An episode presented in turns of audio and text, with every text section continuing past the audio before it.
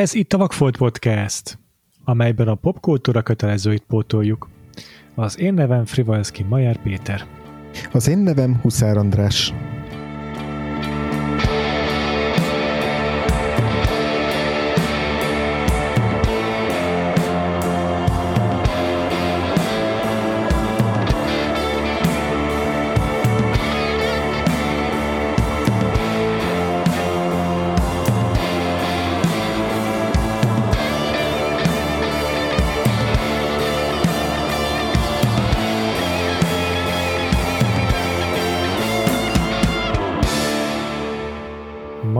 Filmes évadunk folytatásában, ahogyan azt már előzőleg belengedtük, ló léptekben haladunk előre az évtizedek során. Múlt héten még 1955-ből néztük meg a körhintát, most pedig a 60-as évekre váltottunk, és mondtuk az adásunk végén, hogy mi nem tudjuk pontosan melyik filmről lesz szó, de végül is az Álmodozások kora című filmről fogom most beszélni, amelynek a rendezője Szabó István. Uh-huh. Um, egész egyszerűen csak nagyon sok hiányosságom van Szabó Istvántól, és ez a film ugye címével együtt nagyon sokszor került elém, ezért került föl szerintem a listánkra. Nem emlékszem pontosan melyikünk választotta a hosszú listára, de de ez nekem tényleg egy olyan hiányosság, amit tudtam, hogy, hogy, hogy, hogy tehát régóta, régóta szerettem volna pótolni. Igen, az, abban biztosak voltunk olyan Mephistóra, mint a Magyar Oscar díjas film, arra mindenképpen sort kell keríteni, de volt a, egy-két olyan rendezőnk, akiről ugye éreztük, hogy azért tőlük egy film az kevés lenne ebben az évadban, még hogyha igyekszünk is minél sokszínűbbre tervezni az évadot, hogy minél több, több emberbe, több embernek a munkásságába kóstoljunk bele, és így Szabó István is azért olyan volt, akitől azt éreztük, hogy mindenképp több filmet kéne megnéznünk, és akkor itt volt ez a laza tematikus trilógiája, ami az 1964-ben készült, és 1965-ben bemutatott álmodozások kora üt fel, majd a követi az Apa című film, és így van, köszönöm szépen, és végül 1970-ben a szerelmes film, ami lezárja ezt a trilógiát, ez úgy trilógia, mint mondjuk nem tudom, a háromszín trilógia, hogy vagy nem is tudom, hogy mi lenne még egy jó példa, hogy, hogy visszatérő színészek vannak benne, a tematikában nagyon hasonló dolgokat jár körbe, hasonló szereplő típusokat, de egyébként nem szorosan fonódik össze, tehát a, akiket most az álmodozások korában megismertünk, mint szereplők, ők ilyen módon nem térnek vissza, legfeljebb valamiféle másféle verzióban. Így van. És hát a ez Szabó István első egész estés filmje, és ha emiatt a rendezői stílusa is majd apránként fog kiforni, valószínűsítem, hogy ha hm. megnéznénk a trilógia későbbi részeit, akkor akkor e, kicsit más Szabó Istvánt látnánk. Viszont már itt kialakul a, a hosszú-hosszú ideig tartó együttműködése ennek a filmnek a főszereplőjével. Bálint Andrással, aki azt hiszem, hogy összesen hat filmben játszotta el az ő ilyen self-insert alter ego karaktereit. Tehát a rendezője uh-huh. saját magát írta bele a filmbe, és ezeket hat alkalommal játszotta el, ezt a szereplőt hat alkalommal uh-huh. játszotta el, nyilván különböző neveken, Bálint András, és igen, a, a, azt tudom, hogy a szerelmes filmben is ő a főszereplő, szintén Halász Judittal, igen. de az, a, az apában nem tudom, de gondolom ezek alapján, hogy abban is ő van. Ott is, ott is, ott is, igen, ott, ott is ő játsz az egyik főszerepet, és Gábor Miklós a, a címbeli apa ah, figurát, aki apa. szintén felbukkan az álmodozások korában is. Tehát vannak Aha. ilyen visszatérő szereplők. Igen, és akkor Bálint Andrá, ha már a színészeknél tartunk, akkor gyorsan mondjuk el, hogy a, ennek a filmnek kik még a főszereplői. Igazság szerint, uh-huh. akik, akik a Bálint Andrásnak a különböző életszakaszaiban a párjait alkotják, őket szokás mhm. kiemelni uh-huh. név szerint. Esztergályos Cecília, Halász Judit, illetve Béres Ilona voltak ezek a uh-huh. színésznők. Egyébként pedig a történet az uh-huh. Hát hamarosan beszélni fogunk Jancsó Miklósról és az ő nevéhez kapcsolódó Így jöttem filmekről, de Igen. Ez egy így jöttem film. Így van. Igen, ugye Jancsó Miklós egyik filmjének az a címe, hogy így jöttem, és innen kapta a nevét ez a jellegzetes ilyen felnövés történeti, vagy nevelődés történeti kis filmes alműfaj, a magyar, magyar ilyen zsáner megfelelője lett ezek az így jöttem filmek, és ugye hát ugyanabban az évben mutatták be a tehát ugyanúgy 64-ben készült, és 65-ben mutatták be az Így jöttemet, és Szabó István pedig a saját Így jöttem filmjét is. Egyébként mondjuk a ilyen modernkori Így jöttem filmek közül szerintem ugye a legismertebb az a Reis Gábornak a Van valami furcsa és megmagyarázhatatlan, vagy akár az azt követő Rossz versek című filmje. Így rossz igaz. versek, igen, igen, rossz versek című filmje. És a Sós Tamás, aki többek között a filmtetnek a szerzője, és nagyon kedvenc kritikusunk, ő nagyon szereti a számadozások korát, és ő konkrétan azt is úgy fogalmazta meg a filmről szóló írásában, hogy hogy tényleg ez a, ez a akkori Reis Gábor igazából, hogyha ma születne a, a, a, vagy ma készülne ez a film, akkor Reis Gábor rendezné, és a Szabó Benedek írná a betétdalokat. Aztán azt is kifejti, hogy a, későbbi, jóval későbbi interjúban Szabó István beszél erről a filmről. Ezt most gyorsan be is uh-huh. idézem, amit megtalálom. Hmm. Ez a fiatal ember, a főszerepben, a főszerepet játszó jaj, gyorsan kívánok a fejemből. Bálint András. Bálint András? igen, Bálint András által alakított Jancsi. Jancsinak hívják a főszereplőt, igen. Igen, köszönöm. Ez a fiatal ember nem szeret dönteni. És ez az érzésem szerint kor, kor jelenség. Sőt, kór jelenség, mert a társadalom még nem kényszerítette arra, hogy döntenie kelljen. De annyiszor döntöttek már előtte járó emberek különbözőféleképpen, hogy gátlása van e tekintetben. Tehát a filmnek arról kell szólnia. Hogyan halmozódik fel egy emberben az az igény, hogy végül is eldöntse a saját ügyeit, döntsön a saját problémáiban. Itt ez a döntés története. És akkor így fogalmaz a Sós Tamás a cikkben, hogy ezt mondja Szabó István, és nem a van valami furcsa és megmagyarázhatatlanról beszél, hanem a saját filméről. Nekem nagyon tetszett. Ez egy 65-ös interjú volt. És szerintem uh-huh. is mhm. nagyon sok a rokonság a két film között. Valóban ilyen útkeresésről szóló, a rendező saját fiatalkori élményeit megragadó, ilyen cselekmény nélküli epizódikus történet, amelynek kulcsfontosságú szerepe a szerepet, amelyben kulcsfontosságú szerepet játszik a szerelem. De e- egyébként tehát ahhoz képest, hogy egy lassan 60 éves filmről beszélünk, közel 60 éves filmről, és erről is ír Sós Tamás, és teljesen egyetértek vele, hogy mennyire, mennyire frissnek hat, és mennyire ha nem is konkrétan teljes ugyanazokkal mértékben. a párbeszédekkel, vagy szituációkkal, de teljes mértékben ma is ugyanolyan érvényes tud lenni, és ugyanúgy magunkra tudjuk vonatkoztatni, vagy nem tudom, magunknak a generációknak a, a nem tudom, korábbi éveire, emlékeire rá, rá lehet ezt, ezt vetíteni.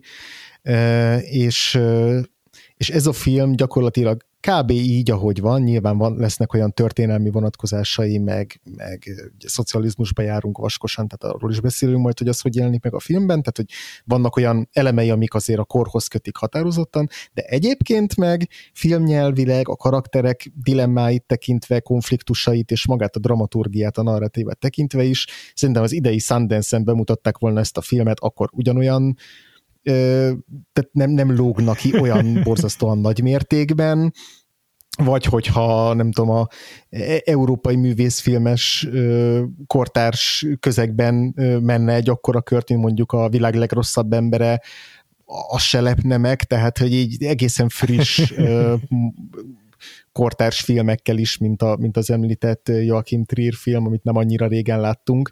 Szerintem azzal is nagyon könnyen és nagyon sok szempontból párhuzamba állítható ez a film. Tehát tényleg magát a dramaturgiáját tekintve is egy, egy, egy abszolút Igen. közönségfilmes és abszolút uh, ismerős, generációs panelekből dolgozik, abban az értelemben, hogy a, nem tudom, a feltörekvő fiatalságot milyen problémák foglalkoztatják, a szerelmi ügyeikben hogyan viselkednek, tökéletesen friss és tényleg érvényes film még most is, és baromi szórakoztató. Nagyon egyetértek, nekem is nagyon szórakoztató volt ez a film. Egyszerűen a karakterek annyira élőek, annyira valósak, annyira igaziak. Egyrészt a legsemmilyenebb párbeszédet is nagyon szívesen hallgattam. Másrészt mhm. pedig Szabó István ebben a filmben nagyon egyértelműen kiteszi az ablakba, hogy mennyire imádja a francia új hullámot. uh-huh, igen. És ez szerintem ez a, ez a fajta lelkesedés, meg ez a fajta ilyen kivagyiság, ahogyan rendez, ez szinte ragályos, és nagyon élveztem nézni.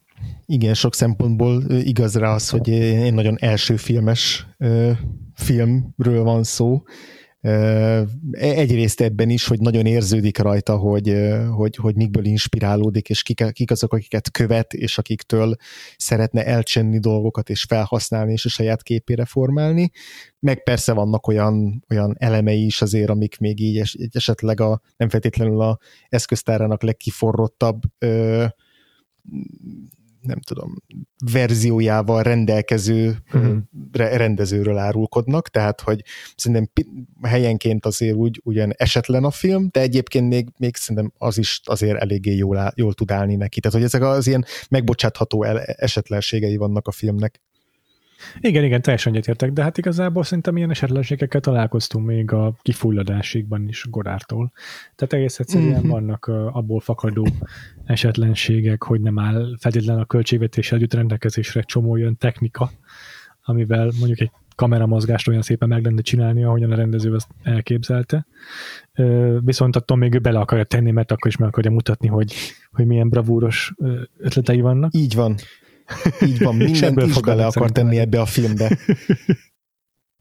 Tehát nagyon, e- ebben is nagyon érződik, hogy így először kap lehetőséget nagyon fiatalon, tehát 20, talán 25 éves, 26 éves lehetett ekkor Szabó István, hogy a saját forgatókönyvé, forgatókönyvéből rendezhessen egy nagyjátékfilmet, és így ez a lelkesedés nem csak a, arra terjed ki, hogy akkor az általa körülrajongott európai rendezőknek hogyan állít, vagy azok előtt hogyan tisztelek, hanem abban is, hogy jó, akkor most minden létező ötletemet belezsúfolom ebbe a filmbe, a összes kameramozgástól a történelmi vonatkozásokon át a vágástechnikáig, a narrációig, tehát tényleg így, így, így, így nagyon dús ez a film.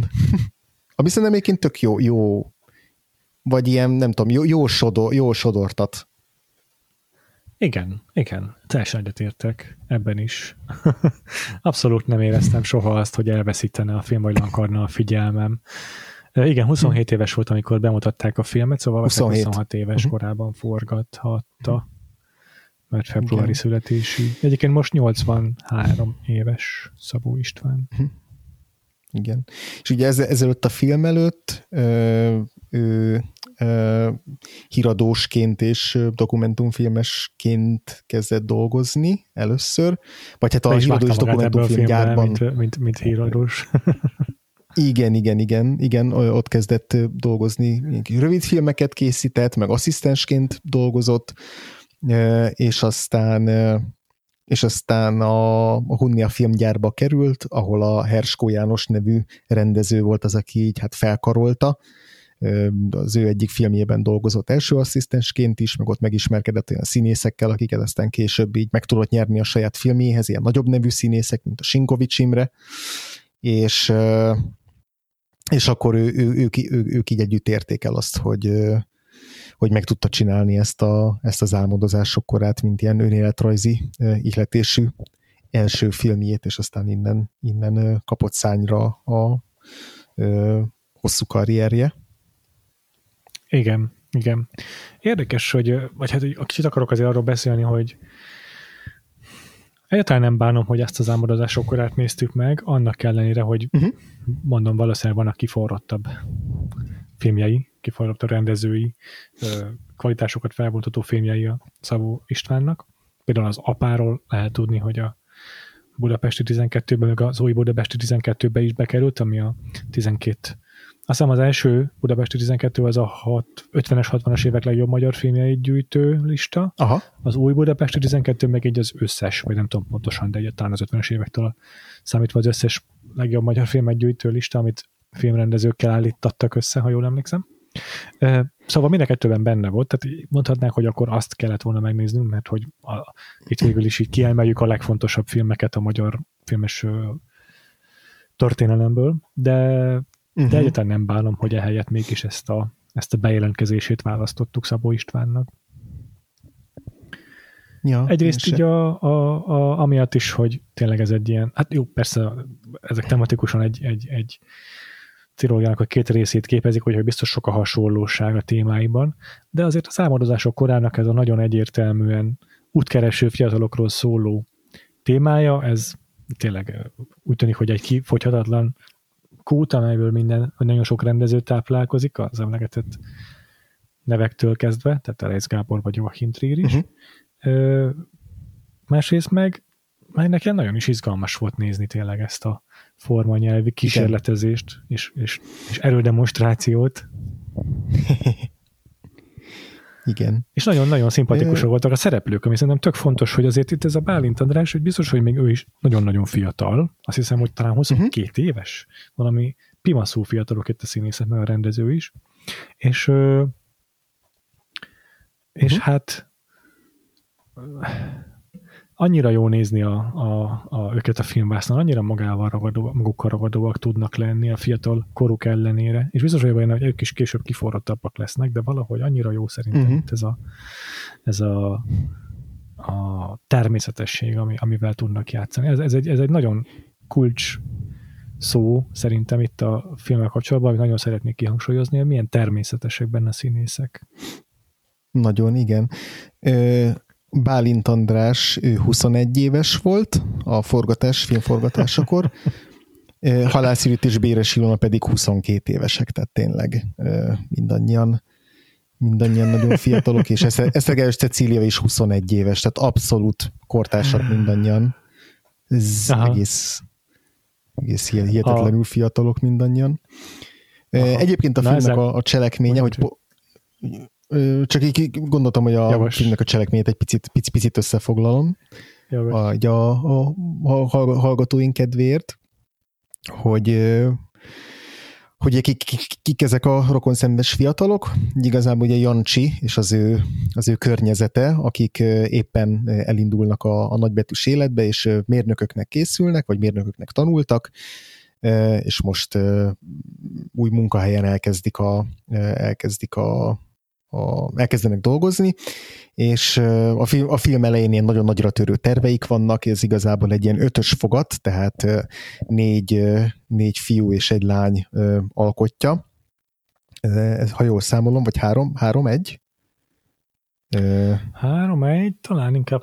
Húha. Nem, Na nem, négy, négy fiú, igen, igen, igen, négy fiú és négy fiú és egy lány alkotja ezt a csapatot, Aha és aztán viszonylag hamar a film, a film során ők, őket így a, a főnökeik így külön választják, ezt a csapatot, és akkor így a, a film igazából annak a története, hogy hogyan szakadnak el egymástól, hogyan e, kerülnek új utakra, aztán időről időre újra meg újra összetalálkoznak, de elsősorban mondjuk a Jancsit, a Bálint András karakterét követi a, a film, és aztán az ő következő éveibe így vissza-vissza sodródnak ezek a szereplők, és mindeközben pedig nem csak a, a, a a munkaterületén figyelhetjük meg Bálint Andrást, aki egy picit ilyen, ilyen passzívan sodródik a, az árral sokáig, hanem, hanem a, ahogy már említette Péter, a, a szerelmeit is megismerhetjük.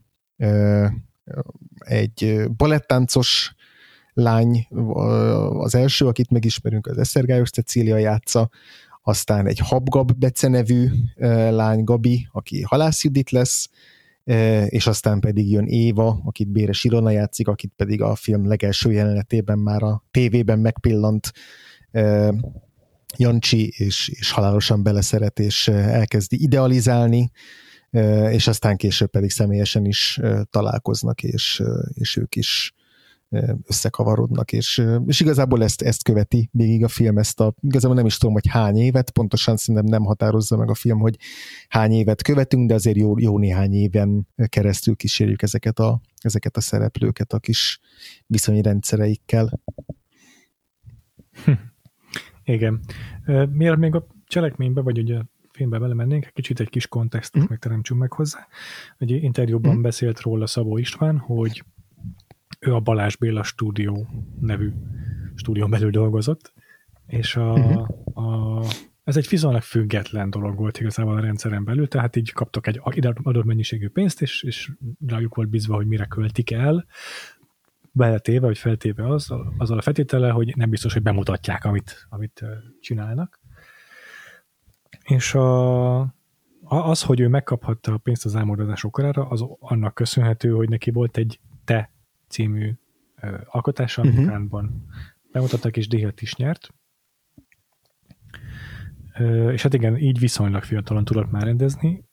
Nem tudom, hogy mi volt akkor az uh-huh. a rendezők átlag életkor, amiben debütáltak, de tényleg 25 évesen biztos, hogy nagyon fiatalnak számított. Uh-huh. Mikori születésű, és azt hiszem 63-as, úgyhogy lehet, hogy még fiatalabb is volt. Bocsánat, 38-as, és a film az ugye 60, uh-huh. Négyes, igen. Négyes, úgyhogy hát akkor 25 lehetett körülbelül, amikor ez a film megkapta a zöld lámpát. És uh, amit el akartam ezzel kapcsolatban még mondani, az az, hogy először nem akarták elfogadni, tehát a, az Acél György által vezetett um, kultúra minisztérium, az uh-huh azt mondta, hogy azt írja, hogy azt mondta neki, hogy tetszett. azt mondta, hogy neki tetszett, de fentebb betiltották, a, mert uh-huh. csak egy miniszterhelyettes volt, a kultúrája felelős, nem tudom, miniszterhelyettes, és és mondták, hogy vágjon, vágjon ki belőle valamit, és hogy legyen neki más a címe, és akkor megkérdezte, hogy mit kéne belőle kivágni, és így képzeld el, így működött a rendszer, ez annyira abszurd, hogy nem mondta meg neki az acélgyógy, hogy mit vágjon ki, csak azt mondta, hogy valamit vágjon ki. Mindegy, mit. Lényeg az, hogy azt teljesen mondani fölül, hogy, van, hogy, ki le, hogy meg, lehet, meg lehet vágva a film. Aha, aha. és azt hiszem, hogy végül nem vágott ki belőle egy darab képkockát se, vagy lehet, hogy mutatóban aha, egy, aha. egy darab valamit, nem tudom, és aha. nem is nevezték át a filmet, mert csak egy alcímet kapott, amit rátettek a plakátra, ami az volt, hogy a felnőtt kamaszok. uh-huh. és gyakorlatilag változás nélkül került be a film. A film elején pedig egy József Attila idézet látható, azt még mindenképpen akartam mondani, mert szerintem jól illusztrálja egyetlen mondatban az egész filmet, ezt kiírtam magamnak. Még nem nagy az ember, de képzeli. Hát szertelen. Kísérje két szülője szemmel, a szellem és a szerelem. És igazából tényleg erről van szó, hogy itt az a 21-2 éves generáció még nem is igazán felnőtt, de már, Igen. már aspirál, már, már a felé kacsingat, meg ugye már vannak konkrét konfliktusaik az idősebb generációval, a, a boomerekkel, ahogyan a Sumus Tamás fogalmazott. Persze, hogy nem boomerek a szónak az hagyományos értelmében, de a lényeg, hogy a, a, a, az idősebb korosztály tagjai felé uh-huh. ők uh, irigyek, és uh, és emellett viszont a szerelem és a, az intellektus az, ami végig kíséri a filmet, mint két ilyen vezérmotívum, Szerintem végül is intellektuál fiatalokról van szó, ami egyébként Abszolút, végül is eddig egy, egy, egy egész nagy újdonsága az eddigi filmográfiánknak, mert még így későbbiekben is azt fogjuk látni, hogy azért nem feltétlen volt ez a bevett témája se a, se a szocializmus alatt elkészülhető filmeknek, se úgy általában véve magunknak a rendezőknek. Tehát a, a budapesti intellektuál ez nem volt egy ilyen mindenki által közkedvett téma, ez tök érdekes, hogy ez, ilyet is meg tudtunk most nézni. Ja igen, szerintem ebben is nagyon ezek a, ezek a fiatal szereplők ilyen igazából a, azzal együtt, hogy nagyon Budapesthez kö, köthetőek, és, és helyi, helyi problémákkal ö, foglalkoznak, de igazából ilyen abszolút világpolgárok, abban az értelemben véve, hogy ugyanúgy el lehetne képzelni őket Párizsban, vagy, vagy nem tudom, Barcelonában, ö, itt a, a 60-as évek közepén, vagy nem tudom, Prágában akár, vagy Krakóban, tehát hogy így, hogy így nagyon ilyen egyszerre tényleg lokális az ő történetük, és közben meg, meg, meg teljesen, ha nem is univerzális, de mindenképpen a kor, kornak az Európájában is szerintem így így, így ezek a szereplők így vagy rácsatlakoznak, vagy rá szeretnének csatlakozni valamiféle ilyen értelmiségi vérkeringésre, és akkor legfeljebb azon belül érzik azt, hogy itt a határok közé vannak szorítva, mert azért jó párszor szó, szóba kerül az, hogy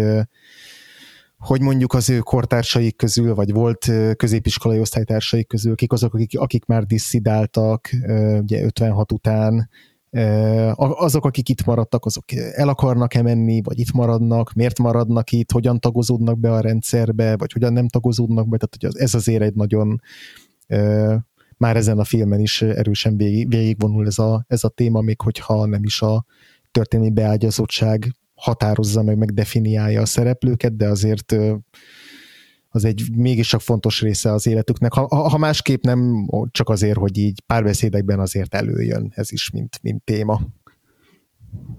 Igen, igen, nagyon érvényesek tényleg ezek a dilemmák, amikkel ezek a fiatalok küzdenek. Egyetértek teljesen, hogy ez ilyen szinten sok, sok, sok aspektusában teljesen kozmopolita ez a film, de nagyon, nagyon érzékletesen és és apránként adagolja mellé a történelmi kontextus szerintem a Szabó István, uh-huh. hogy azért mégiscsak Igen. lássuk, hogy, hogy mik azok a múltbéli tragédiák, amelyek az ősorsokat meghatározták, és mik azok a jelenkori nehézségek, amelyek rátelepszenek az életükre, amelyek csak Magyarországon, vagy hát legalábbis a vasfüggőnek ezen az oldalán voltak jellemzőek. Igen. Úgyhogy nagyon érdekes szerintem ez a kettőség a film, hogy egyszerre tud tényleg így, így, így univerzálisan a, a, a fiatal kornak, a fiatalságnak a, a, a magatehetetlenségéről szólni, és másrészt pedig ez, ez tökéletesen működik abban a, abban a történelmi tablóképben is, amit, amiben ezt belehelyezi. Igen. És egyébként ez a fiatal útkeresés, ez, ez, ez tényleg nagyon igaz, és nagyon, nagyon jó párhuzam szerintem is a, a világ legrosszabb embere című film, ami most megy a mozikban. De itt nekem a legelső valami ezzel kapcsolatban eszembe jutott az az, hogy Na. persze fontos a geológiai különbség, meg ugye a gazdasági szerencse, hogy úgy értem, hogy gazdaságilag milyen szerencsés helyzetben van Norvégia Magyarországhoz képest, akár mm. most is, akár a, ebben a 60 évben, ami a két film között eltelt, de lényeg, hogy a Joachim Trier filmjének a főszereplője 30 éves, és Igen. azzal küzd, hogy nem tudja, mit, mit akar az életében, és hogy mivel akar foglalkozni, nem találta meg a hivatását, mm. és a szerelemben sincsenek sikerei. És a Szabó István főszereplője meg 21 éves, és már most úgy néz ki, mint egy, egy rendes meglett felnőtt Sokszor szoktunk tudod ja, beszélgetni igen. egy csomó fiatal színészről, vagy hát így, mit tudom én, velünk egy idős színészekről mondjuk, vagy ilyen max 40 év körüli színészekről, és akkor meglátjuk őket egy fiatalabb kori filmben, és így mindig mondjuk, hogy milyen babyface. Mert a mai igen. színészek, azok 20 éves korukban babyface voltak, de Bálint András egy, egy rendes felnőtt ember szerintem. Hát meg a társai is szerintem ugyanúgy. Társai tehát, is. hogy simán azt mondanátok ő, rájuk is, hogy ilyen 25, 25 vagy akár még talán annál egy picit idősebb, de ja. inkább ilyen, ilyen, ilyen, ilyen 20, 20, 20, 20-as éveik közepén járó, uh-huh.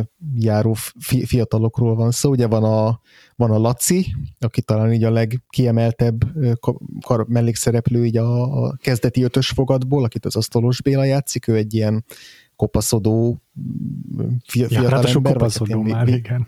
Igen, igen, végén nagyon, nagyon rövid haja van. De aztán ott van a, fú, már nem emlékszem, hogy hívják azt a srácot, Gyere. aki az ilyen a csapat bohóca, aki mindig így izé pipázik, meg zongorázik, meg így, meg így hülyéskedik, meg ilyen borzasztóan idétlen haspólóba van az egyik jelenetben, vagy nem is pólóba, hanem trikóba, ami így a, nem tudom, a, a mekasáig föl van húzva és akkor ő is szerintem így idősebbnek tűnik a, a, Azt hiszem, igen, igen, igen a, a, a kortársainál. És azért is mondtam, hogy nem tudom, hogy pontosan hány éven követjük, hány éven keresztül követjük őket, mert amikor a film második felében vagy vége felé így, így felfeltűnnek, akkor nem tűnnek annyival idősebbnek, tehát azt is el képzelni, hogy egy éven belül lezajlik Én ez is. a film, de azt is, hogy azért, itt, hogy azért itt jó néhány éven keresztül követjük őket, mert van, aki megházasodik, van, aki beteg lesz, ugye a Jancsi is több barátnőt, nem tudom, elfogyaszt idézőjelbe, tehát hogy lehetne azért ez egy több éves folyamat is, de ugye a szereplők úgy egyébként olyan, olyan nagyon drasztikusan nem változnak meg a film során, és akárhány évet is haladunk az időben, szerintem könnyebben el tudjuk hinni azt, ahol kikötnek, mint azt, ahonnan, ahonnan elindulnak így életkorban. és egyébként meg szerintem pont ez a meghatározhatatlansága teszi nagyon is nagyon is hitelessé a, a film, film, filmet abban az értelemben, hogy a szerep ezeknek a, fiat, ezeknek a, ennek a csoportnak a csapat dinamikája hogyan változik. Mert hogy uh-huh. mondjuk így saját, saját élményeimre visszagondolva, igaz, hogy idősebb voltam már, mikor kikerültem a kollégiumból, de de nagyjából ugyanilyen hirtelenséggel, ilyen viharos sebességgel változott meg az, hogy kikkel tartom a kapcsolatot, kik az én barátaim, Igen.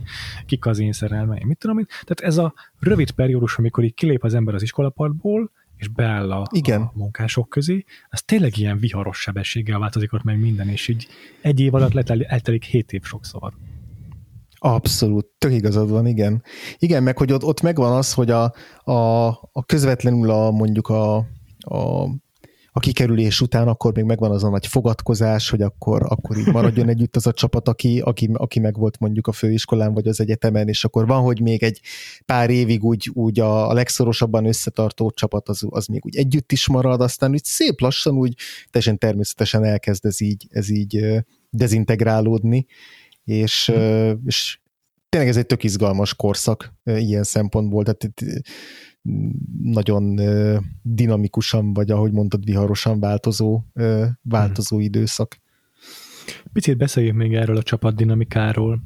Én Jó. Érdekes, nem tudom mennyire gondolod ezt helyesnek a megfigyelésemet, de tényleg azzal indul a film, hogy ők szabadkoznak, vagy fogadkoznak, bocsánat, hogy, hogy, hogy ők együtt akarnak maradni, ők az iskola padban is nagyon jó csapatot alkottak, és hogy a munkában is szeretnék ezt így folytatni, mert az biztos nagyon nagyon kreatívvá fogja majd őket tenni, és, és együtt, együtt sokkal többre képesebb, mint külön-külön. És akkor beállnak a munkába, ugye Sinkovics Imre az igazgatója a cégnek, ahova bekerülnek, és ott egyből elmondják nekik, hogy akkor különböző pozíciókat kapnak, még a fizetésük is eltér ilyen pár száz forinttal, ami gondolom, Igen. akkor ilyen mai megfelelő ennek ilyen, tudom én, egy minimum egy 50 ezer forint lehetett szerintem, hát egyszer kiszámolom. Mm. És, és a, és ez teljesen lelombozza őket, meg hideg zuhanyként éri őket, és akkor azt Igen. hiszem, hogy pont a főszereplőnk, Jancsi, megy vissza protestálni, tehát ő, miután már egy elbocsátja őket az igazgató, és már mindenki megy a lifthez, Igen. ő még visszaszalad, hogy, hogy beszéljen a Sinkovicsal, hogy mi lenne, ha mégis együtt dolgozhatnánk, mármint az a csapat együtt uh-huh. maradhatna, uh-huh. mert olyanok voltak együtt, és szerintem ebben a pillanatban a film egy kicsit kommentálja a, az aktuál politikát is. De ez erőltetett valószínűleg a párhuzam, és tényleg belátom, mm. vagy hogy mondjam, tehát így elő, megelőlegezem magamnak, hogy valószínűleg erőltetett a párhuzamon, de arra gondolok, hogy a szereplők együtt akarnak dolgozni, ugye itt az individuum helyett a közösséget választanák legszívesebben. És akkor azt mondja nekik a Sinkovics által játszott igazgató, hogy de hát kérem, ez egy vállalat, itt nem így mennek a dolgok, és ez egy teljesen valid érv, nekem, számomra 2022-ben Magyarországon egy nagy vállalatnál dolgozó ember számára, hiszen így működnek a vállalatok, a kapitalizmusban. Tehát, hogy hmm. igazából, amit a hmm. Harrer mond, hmm. az egy full kapitalista kijelentés, olyasmi, amire Jeff Bezos is megnyalná tíz ujját.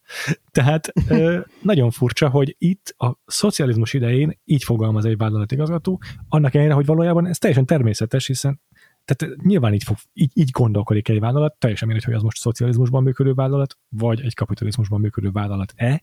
A kapitalista vagy a szocialista vállalatnak sincsenek ilyen megfontolásai, hogy most ezek a szegény emberek szeretnek együtt dolgozni. az a fontos, hogy milyen mhm, munkakörök uh-huh, vannak. Uh-huh. Tehát ez végig teljesen valid a vállalat szempontjából, mégis egy, szerintem egy érdekes illusztráció annak, hogy a, a 60-as években hogyan változott meg a szocializmus.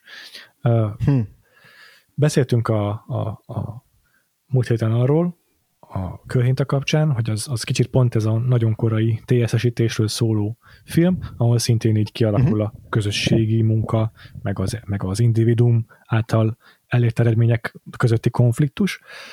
És ugye a kommunizmusnak a kezdeti szakasza, a, a, a, a Rákosi féle kommunizmus, az, az, az nagyon súlyosan, masszívan követte a sztálinista elveket, és ott aztán az individuum az abszolút nem is jelent meg semmilyen értékformájában, és ez nagyon sokat hígult mostanra, így a 60-as évekre, és az individuum megjelenik mm. már a, a politikai nézetekben is, meg a propagandának a része is igazából, de ugye nem ugyanaz az értelemben vett individuum ez, mint a nyugati társadalmakban, ahol meg az individuum tényleg a, a, a legfontosabb érték, de azért létezik.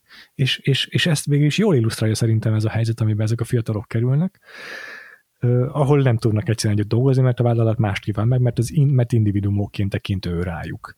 Na de uh-huh, ezek uh-huh. után nagyon gyorsan, de pillanatok alatt el is kezdődnek közöttük interpersonális konfliktusok. Hirtelen ez a nagy jól, jól összezáró csapat, hirtelen kiderül, hogy az egyikük az igazából a többiek szerint sose volt nagyon nagy ötlet gazdája semmilyen izének, kreálmánynak, amivel előálltak, meg lusta is, meg mit tudom Tehát így hirtelen igazából vannak nézeteltéréseik, mert mégiscsak individuumok ők is. És ez is egy ilyen illúzióvesztés, ami szerintem egyszerre a rímel a politikai berendezkedés változásaira is. Hm. Itt a, a, arra gondolsz, vagy arra is gondolsz, hogy így mondjuk nem tudom, a hatalom az hogyan bontja szét ezeket a fiatal ilyen Na, ez egy nagyon közösségeket, vagy, vagy inkább csak a nagy politikai, vagy ilyen gazdaságpolitikai folyamatokra? Igen, mivel nem egy nagyon politikus film ez az álmodozások mm-hmm. kora, ezért nem merném azt mondani, hogy itt most egyértelműen a hatalom vonható felelősségre az ő szélbomlásukért, mm, de akkor is érzem azt, érezni, érezni vélem azt, hogy az individuummal kapcsolatos megfogalmazásai a Szabó Istvánnak azok ebből a, a, a korszellemből táplálkoznak, amit a politika is uh-huh. vezérel. Én nem állítom, hogy a hatalom zilá, zúzza szét az ő baráti körüket, sőt, biztos vagyok benne, hogy nem így van. Uh-huh. Inkább csak ez egy ilyen a, a film saját maga számára is feltett kérdésre szerintem, vagy a, vagy a, vagy a franc tudja, ugye meg nem válaszolt kérdésről a filmnek, hogy, hogy, hogy valóban nagyobb be, vagy valóban képes-e a, az ember többre közösségben, mint, mint individumként, vagy az, vagy az individumként való gondolkodáspont az, az annyira belénk uh-huh. van kódolva, hogy, hogy mindenképpen szétzélálódnak minden ilyen érték közösségünk, hmm. nem tudom. De talán, aha, talán, aha. talán foglalkozik ezzel a film egy kicsit. Aha, de ez tök, tök érdekes, ebbe én nem gondoltam bele, de, de ez, egy, ez egy tök érdekes ö, aspektusa lehet a filmnek, és igazából rímelhet rá a, a, a jogász főszereplőnk, a, az, az Éva, a jogász Éva, a Béres Ilonának a, a karakteríve is, akit a film elején ja. egy, egy idealista, de ugyanakkor elég mégis olyan határozott elképzelésekkel rendelkező idealista pályakezdőként nyilatkozik a tévében, az itt nem tök jó kis jelenet, ahol ott a riport először úgy kérdezgeti, hogy hát igazából egy, egy szót se tud kinyögni, és csak itt szabadkozik, meg ilyen, ilyen semmit mondó ilyen kis félmondatokat mond, hogy ja, hát most mit mondjon, aztán egyszer csak így, így, így kiszakad belőle az összes olyan Jancsékhoz hasonlóan világ megváltó elképzelés, hogy ő hogyan képzeli el magát itt a, a, a hazai jogrendszer berkeiben, és, és mit szeretne megvalósítani a saját elveiből, és hogyan szeretne a különböző képmutató nem is tudom hamisságokat áthágva így a törvénybetűjével igazságot tenni, és aztán a filmnek egy későbbi pontján pedig van egy másik nagy monológia, ahol kifakad a, a, a Jancsinak egy ilyen bírósági montázs, egy dokument, do, szerintem dokumentarista felvételekkel, felvételekből összevágott Igen. montázs, montázs alatt hallani az ő monológiát, amiben pedig már az a pár év benne van, amikor szembesült a, a a magyar ö, ö, realista helyzettel, azzal, hogy egyébként az emberek hogyan, hogyan kepesztenek, és hogyan ö, harcolnak, marakodnak egymással, és hogyan ö, mennek tönkre, és hogyan próbálnak a saját szorult helyzetükből kiszabadulni, és hogy ezekben a, az által képviselt ideák azok mennyire nem, mű, nem feltétlenül működőképesek. Tehát, hogy egyfajta illúzióvesztés egész-egész biztosan végigvonul a filmen, és Hogyne. akár a, az Évának a története is példázhatja azt, amit mondtál, hogy volt itt egy individum, aki be akart lépni a, a rendszerbe, hogy a rendszer részeként ő az által elképzelt elveket, azokat véghez vigye, és aztán pedig igazából egyik se, egyik se sikerül. Igen, igen, ez, ez nagyon jó, hogy mondod az Évának a monológiait, mert szerintem bazi erős mind a kettő. Hm.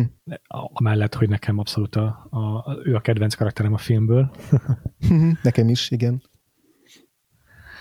nagyon tetszett az ő karakteríve. És akkor, amikor a végén még azzal még egy csattanót is kapunk, hogy a Jancsival való kapcsolata hogyan befolyásolta az ő gondolkodásmódját, és ez mennyire dühös emiatt a Jancsira. Arra gondolok, amikor elmondja, hogy most már ő is úgy gondol az emberekre, mint ő a, mint a Jancsi a, a rádióban lévő alkatrészekre, hogyha az egyik elromlik, akkor csak ki kell cserélni hogy ő is néha hmm. úgy érez a, be, a hozzábetérő panaszkodóktól. Ugye az Éva szerep, vagy a munkája az valami olyasmi, ami ma már biztos nem létezik, hogy ő a bírósági meghallgató, akihez be lehet menni panaszkodni a szomszédra, meg a uh-huh. meg a uh-huh. nem mhm. tudom, és akkor abból ő majd eldönti, hogy lesz-e ügy vagy nem.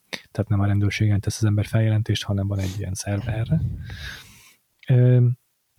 Meg nem egyből polgári per lesz belőle, ahol az ember megy az ügyvédjéhez, hanem van egy meghallgató és, a, és akkor az, tényleg mindenféle ügyes bajos dolgokkal foglalkozik, attól kezdve, hogy valaki késik a tartás díjjal, és akkor bemegy a feleség panaszkodni, hogy, hogy, hogy nem tudja eltölteni a gyerekét, minden hasonló ilyen ügyes, bajos, aparó cseprő dologtól egészen a nagy, nagyokig, és és akkor ebben az, az ő az emberekhez való viszonya, meg a, meg a társadalom jobb átételére való felesküdése, az, az valóban egy érdekes ilyen transformáción megy át.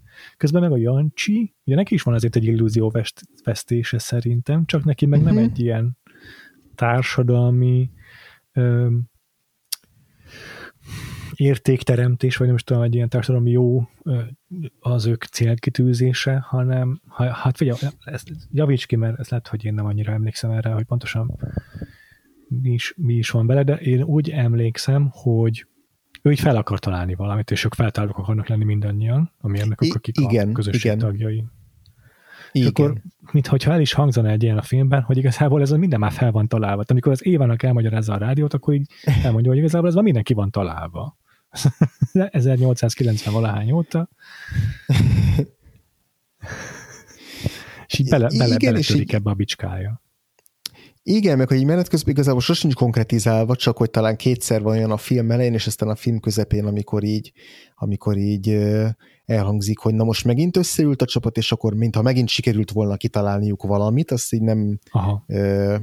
nem mondják ki konkrétan, hogy, hogy, hogy miről van szó, de hogy igazából ezeket, a, ezeket az ötleteket, bármik is ezek a, ezek a mérnöki ötletek, ezeket sose sikerül elvinni semmiféle konkrét megvalósításig, és inkább így a, a jövő ígéretét szimbolizálják, ez szerintem ott, ott jelenik meg a legerősebben, amikor a, a Laci kórházba kerül, leukémiával, és akkor ott, uh-huh. a, ahogy megérzi azt, hogy, hogy már lehet, hogy nincs sok hátra neki, vagy hogy szorítja az idő hirtelen, ott lázasan elkezd dolgozni, és lázasan alkotni akar valamit, ami még így, Igen. ami még így utána, utána marad ja. és szerintem ez is azt mutatja, hogy itt ez a, ez a, ezek, a, ezek a fellángolások, ezek, a, ezek az ötletek, ezek így azt, azt jelképezik, hogy így, így micsoda ígéret áll, áll előttük így a, a jövőben, de hogy e, e, e mögött nincs semmi olyan konkrét, olyan kézzelfogható dolog, amit, amit meg tudnának valósítani. Ott van is ez a momentum, hogy itt maga a Laci is a halálos ágyán még ott mindenféleket próbál megalkotni, de utána aztán látjuk a, már temet, az ő latinok a temetése után uh-huh. Gyancsit is, hogy a babrál megint a rádióval otthon is, hogy nem bírja uh-huh. a munkát, pedig egyrészt nyilván a gyászát is kerüli el így, másrészt meg lehet, hogy benne is az motoszkál, hogy na én sem csináltam még semmit, és lásd, mit tudom én, Laci már meg is halt, és én is ugyanerre a sorsra juthatok. Igen, igen, el is hangzik ez a mondat, azt hiszem talán a talán az Éva mondja ki, hogy irigylek mindenkit, aki már csinált valamit. Tehát, hogy van egy ilyen... Ja. Ja. Ez is ilyen jellemzően szerintem 20, 20 éves válság, hát ilyen igen. belső válság, hogy bár nem, nem, nem, kor, nem is talán kor, korfüggő, mert bármikor érezhetjük azt, hogy szembesülünk mm-hmm. valakivel a saját Persze. korcsoportunkban, vagy akár a nálunk jó a fiatalabbaknál, és akkor rá tudunk mutatni, hogy na, ő már ennyi évesen, már ennyi mindent elért, én meg még mindig ott vagyok, hogy még mindig csak így Igen. csak így szövögetem az álmaimat, és, és nem tettem le semmit az asztalra. Ez tényleg nagyon, nagyon, nagyon jól eltalált mondat szerintem, és nekem is megragadta memóriámban. Igen. És tényleg egyébként tök jól vannak megalkotva itt ezek a kis, kis figurák a, ebben, ebben a csapatban. Most az, az jutott eszembe, hogy akár egy ilyen nem tudom, FX-es kis sorozatot is el tudnék képzelni. hasonló történettel, vagy nem tudom, nem is tudom, mint a a Master of None, vagy a Rami, most az azt hiszem egyik se FX-es volt, de mindegy, szóval, hogy ezek a tipikus olyan félórás kábeles sorozat, ami egy, egy, egy fiatal ilyen értelmiségi szereplőnek így az útkeresését, meg szerelmeit követi végig. Ez csak onnan jutott eszembe, hogy a csapatból ott van az Anni, akiről eddig még nem beszéltünk olyan sokat, és én nagyon-nagyon ja. szerettem azt a karaktert is, ugye ez az egyetlen lány karakter az ilyen nagyon ja tipikusan bro fiú csapatban, vagy hát így a film elején vannak olyan párbeszédek, hogy itt, itt pont a Laci kifejti, hogy hát neki, neki aztán intelligens nő az nem kell, mint partner, mint szerelmi partner. ja. Itt egy nagyon maszkulin közegben ott mozog egyedül ez az Anni, a csapat egyik ilyen általuk is elismerten talán leg, leg, egyik legértékesebb tagja és akkor vele is többször találkozunk a filmben, egyszer így majdnem összekavarodik még a Jancsival is, és akkor így mhm. igazából megbeszélik, hogy hát ők inkább, ez inkább egy ilyen testvéri, kvázi testvéri kapcsolat, mint sem szerelmi kapcsolat így köztük. És aztán a film vége felé még kapunk egy jelenetet az Anni valamiből kiderül, hogy neki van egy szeretője, amiről nem beszél úgy bővebben, de hát az is lehet, hogy egy nem tudom, nős férfi, szóval biztos, hogy valami olyasmi, aki, aki így, akivel így így a párkapcsolata az nem problémamentes, és most az jutott eszembe, hogy hogyha, hogyha ja. ebből egy ilyen egy ilyen Rami jellegű sorozat lenne, akkor egész biztos, hogy az első évadnak a nem tudom, hatodik vagy hetedik része, az egy ilyen hirtelen nézőpontváltása az Anniról szólna, és akkor ő lenne ott a nézőpont karakter, mert így mindegyik sorozat el szokta ezt játszani, hogy van egy ilyen fiatal női szereplő, valamelyik szereplőnek a rokona vagy barátja, aki itt sokáig csak egy ilyen kis mellékszerep, és akkor egyszer csak megkapja ő a saját epizódját, ahol megtudjuk, hogy ő pontosan ugyanolyan nyűglődésekkel dolgozik, és pontosan úgy elszarja az életét, mint egyébként a, a fiatal főszereplők, úgyhogy tuti, hogy lenne egy Anni epizóda ebben a minisorozatban, és valószínűleg az ez egyik kedvencem az évadból. De hogy amiket felvillant a film az ő történetéről, azok is tök érdekesek. Ja, beszéljünk akkor esetleg a, a többi női karakterről, vagy hát a, a, a nagy szerelmekről, a Jancsinak a szerelmeiről?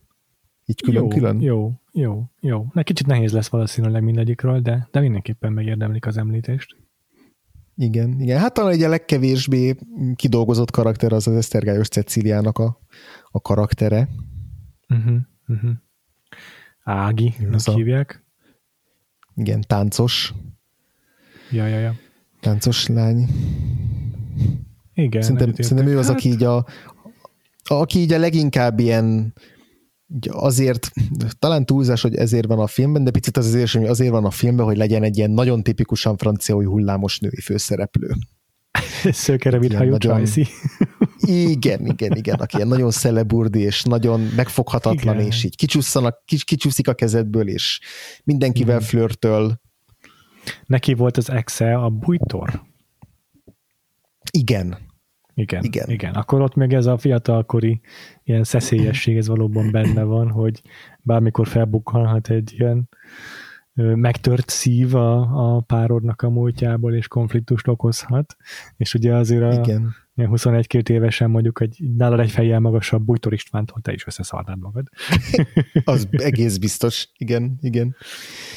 És most ezt nem mennék megesküdni rá, de van egy ilyen, van egy ilyen érzetem, hogy szerintem a, a legtöbb ilyen jump cut, a legtöbb ilyen, ilyen éles vágás ah. a filmben is a, a, az ő szegmensében van, vagy itt a film első felében, amikor őt, őt megismerjük, tehát hogy mint hogyha még ott a filmnek a, a, a, az eszköztára is igazodna ahhoz, hogy, hogy mennyire ilyen csapongó ez a, ez a karakter. Igen, az biztos, hogy a film első felében több az ilyen, az ilyen váratlan vágás, ilyen új hullámos, teljesen dezorientáló vágás. Ja, ez ugye helyszíneket igen. is gyakran vált, igen, ez biztos, hogy igaz. Igen. Az érdekes, azt eszembe jutott. Aztán jön a Halász Judit, a Gabi. Hát ő nem tudtam, hogy ez a film a Halász Juditnak az eredet története lesz. Ahol először énekel egy gyerekdalt.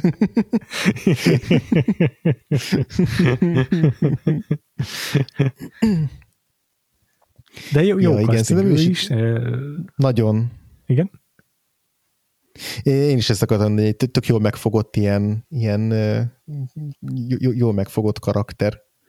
És mindenki is van egyfajta arhetipusossága azért. Igen, igen, igen, tehát ez szerintem ő az ilyen, nem tudom, Goldie Hawn karakter. Nagyon.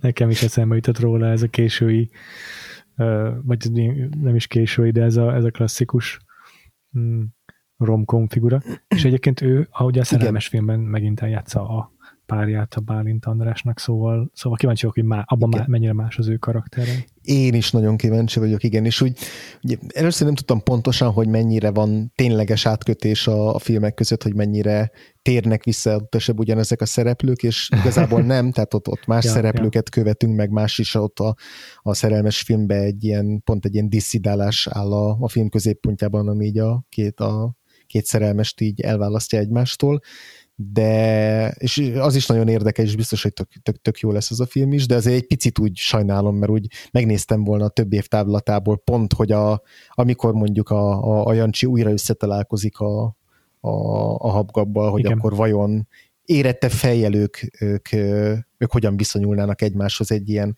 egy régi kapcsolat sok évvel később fele elevenedve, szerintem egy tök izgi, tök izgi lezárása lett volna a trilógiának, de biztos, hogy így is nagyon jól, jól fog működni, csak Igen.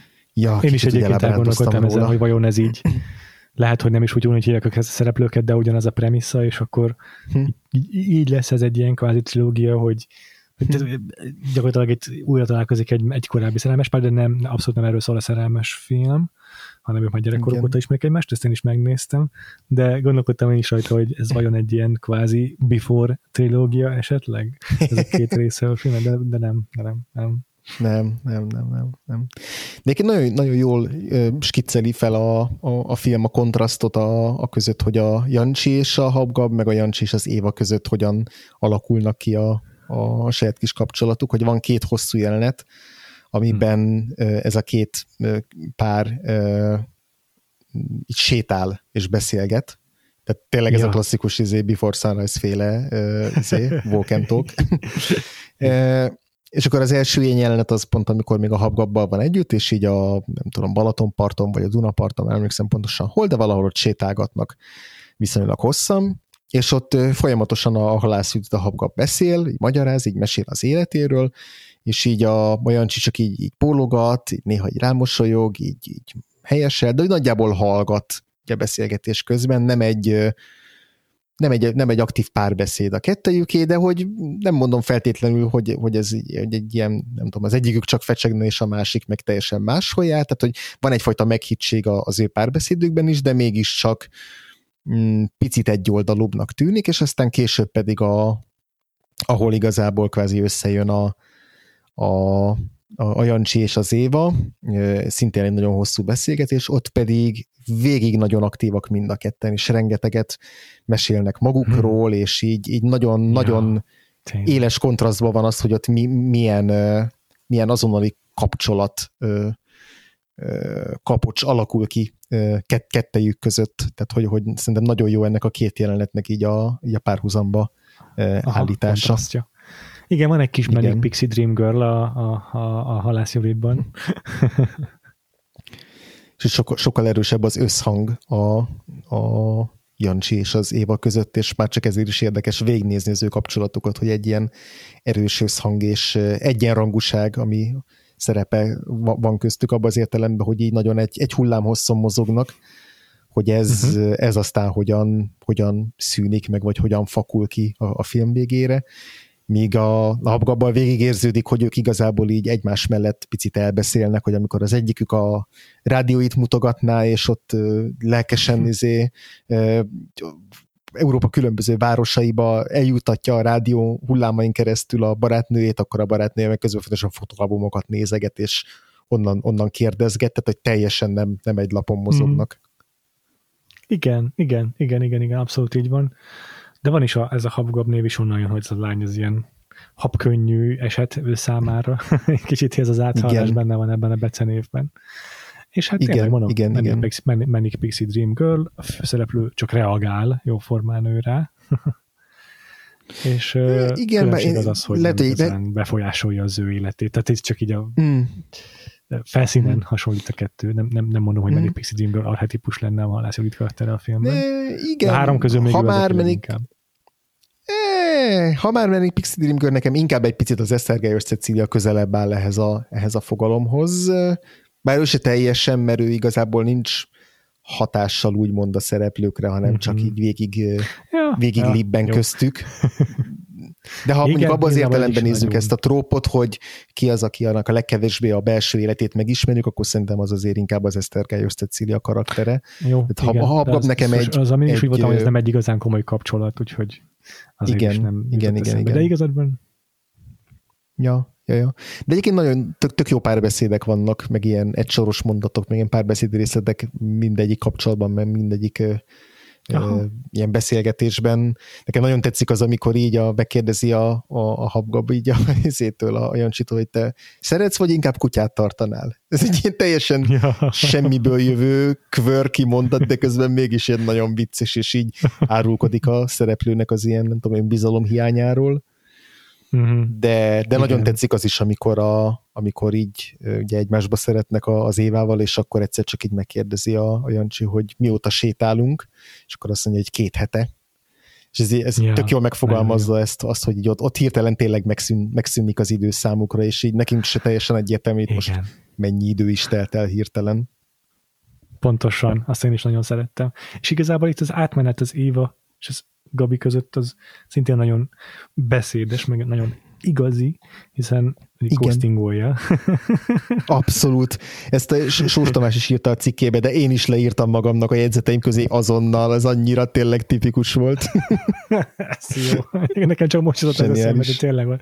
Úgy hagyja a fakértni, hogy nem mer, nem mer, nem mer vele szakítani, mert tudja, hogy ő a rossz igen. fiú. Azért, igen. hogy igen. másba beleszeretett idők. Ez valami egy totál, totál átélhető, valódi dolog szerintem. Nagyon, Abszolút. Nagyon igazi ez az egész. Igen, nagyon, nagyon élők ezek a karakterek a szerelmi mm. kapcsolataikban, és nagyon jól működik az összhang köztük, tehát ott van az a nagy összenézés a, a, a templomnak a pacsorai között a Bálint András meg a, meg Jó, a hát Béres Irona között, és az így izzik a, izzik a levegő meg a vászon, tehát ez, egy, ez, ez nagyon-nagyon nagyon erős pillanat. Ott, ott egy rögtön elhiszed, hogy igen, ennek a két embernek tényleg össze kellett ott jönnie. Akkor mond, mond, hogy nem csak én szerettem bele azonnal a Béres Ilonába ebben a filmben. Érdekes, mert én szerintem csak azért nem szerettem bele annyira a Béres Ironába, mert viszonylag hamar bevillant az, hogy milyen elképesztően hasonlít az anyukámra, és még a arcra is, hajviseletre is egyébként, Aha. És, és még egy film egy pontján, amikor ilyen szemüvegeket, szemüvegeket próbálgat, a Béres Silon, az is egy ilyen nagyon quirky jelenet, bár még Sundance filmbe beleférne, meg, vagy francia villámos filmbe is. Ja, Abszolút igen. Akkor ott még azt is mondja, hogy így fú, mennyire aszimmetrikus az arcom, és anyukám rengetegszer mondja, hogy jesszusom, mennyire aszimmetrikus az arcom. Úgyhogy így ott, ott végképp azt éreztem, mintha anyukámnak a fiatal korába lesnék bele egy pillanatra. De, de egyébként, egyébként fant, fantasztikus kisugárzása van a, a Béres Ironának ebben a, Igen. ebben a filmben, és így, így teljesen Igen. dominálja a, a, jeleneteit, nagyon-nagyon izgalmas őt, őt, őt figyelni. Igen. Igen. Én teljesen el voltam tényleg ájulva, annyira, annyira magával ragadó, magnetikus, tényleg dominálja, ahogy mondod a jeleneteit, lenyűgözően is hmm. néz ki, és a, a színészet is, színészete is annyira természetes ő is ebben a filmben, annyira autentikus, amit csinál együtt a Bálint Andrással, ezt, ezt Igen. Raj, rajongva néztem. Igen.